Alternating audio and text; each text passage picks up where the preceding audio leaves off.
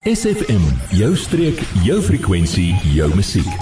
Dit tyd vir ons maandelikse gesprekke met Oosthuizen en Maree en Pretoria se prokureurs en nou vandag weer 'n Maurice oor kat my in die ateljee. Goeiemôre, welkom by ons. Baie baie dankie Mark, lekker om hier te wees. Nou vandag gaan ons 'n bietjie gesels oor die regte of wat my regte is by 'n padblokkade. Ons begin sommer by die begin. Kan ek by 'n padblokkade in hegtenis geneem word op grond van uitstaande verkeersboetes? Nou maak nee, 'n persoon kan slegs in hegtenis geneem word met betrekking tot vorige verkeersoortredings wanneer daar reeds 'n lasbrief sy in hegtenisname gemagtig is deur 'n landros. So 'n lasbrief word tipies gemagtig wanneer iemand 'n dagvaarding of 'n onagsaam 'n persoon kan nie in hegtenis geneem word slegs omdat hy uitstaande verkeersboetes het nie.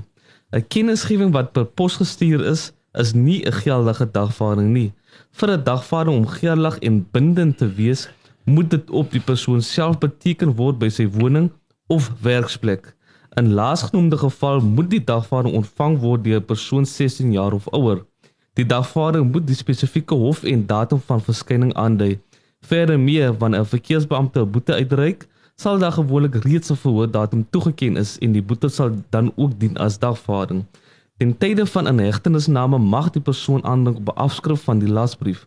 Indien die beampte wat die inhegtingsname wil uitvoer op versoek nie die afskrif van die lasbrief kan of wil oorhandig nie, is die inhegtingsname en daaropvolgende aanhouding onregmatig, selfs in die geval wat daar wel 'n geldige lasbrief was. Die onregmatigheid van die inhegtingsname of aanhouding al dan nie beïnvloed nie die persoon se aanspreeklikheid vir die oorspronklike verkeersoortreding of wanverskyning in die hof nie. Wanneer daar 'n onregmatige inhegtingsname of aanhouding plaasgevind het, moet en kan die slagoffer skadevergoeding teen die staat eis. Enige persoon wat deur verkeersbeampte in hegtenis geneem is, moet onmiddellik na die SAPD-stasie of voor die hof wat die lasbrief uitgereik het geneem word. Verkeersbeamptes word nie toegelaat om persone langs die pad aan te hou terwyl die blokpadblokkade voordien nie en mag ook nie die persone op bankteller neem om geld te trek vir die sogenaamde boetes nie. Die enigste doel van 'n hegtenisname is om sodoende die persoon voor die hof te bring sodat hy aangekla kan word.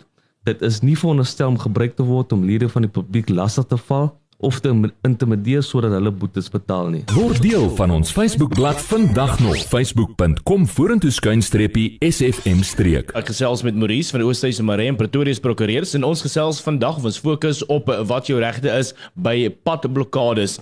Maurice, wat is my regte wanneer ek by 'n padblokkade afgetrek word? Nou maak die nasionale en provinsiale kommissaris mag skriftelik magtiging gee vir padblokkades op enige publieke pad of spesifieke area.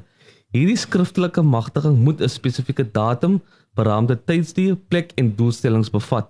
Slegs indien die bekom van skriftelike magtiging die doel sal verydel, mag 'n padblokkade sonder magtiging gehou word. 'n Polisiebeampte mag enige persoon voertuig sonder 'n lasbrief deursoek. Die publiek is geregtig op 'n afskrif van die skriftelike magtiging vir die padblokkade. En kan ek gedwing word om 'n asemtoets te doen of my bloed te laat trek? Die nasionale padverkeerswet maak daarvoor voorsien dat geen persoon mag weier om 'n bloed- of asemmonster te verskaf nie.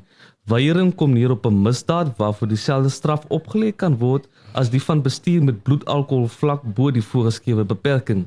Die strafproseswet bepaal dat polisiebeamptes persone wat in hegtenis geneem is na 'n geregistreerde mediese praktisyn moet neem indien daar bloed getrek word. 'n tema van die nasionale verkeerswet moet die praktisyn welke die bloed uiteindelik trek dit binne 'n periode van 2 ure na 'n hegtenisname doen. Die polisiebeampte self bemagtig om 'n sekere omstandighede 'n persoon met geweld te dwing om 'n bloedmonster te verskaf. En laastens, mag die polisie my voertuig sonder 'n lasbrief of my toestemming deursoek? Nou maak elke persoon se reg tot privaatheid word deur die grondwet beskerm. Dit is wel nie 'n absolute reg nie en kan in sekere omstandighede beperk word. As 'n algemene algemene reël mag 'n persoon dit sluit huis of voertuig in slegs deursoek word indien daar 'n deursoekingslasbrief uitgereik is. So 'n lasbrief kan slegs deur 'n vierrede regter, soos byvoorbeeld 'n landdros, uitgereik word indien daar goeie gronde is om te vermoed dat daar onwettige items op die perseel of voertuig is. 'n Persoon of perseel mag slegs deursoek word sonder 'n lasbrief indien daar in spesifieke omstandighede objektief geglo word dat 'n lasbrief bekom sal word maar dat daar nie tyd is om een te bekom nie. So ja, dis net 'n paar van uit die punte wat jou regte is. As jy meer wil weet, dan kan jy gerus gesels daar met die spanne van Oosthuizen Marine Pretoria se prokureurs. Kan hulle ook skakel by 0446016900.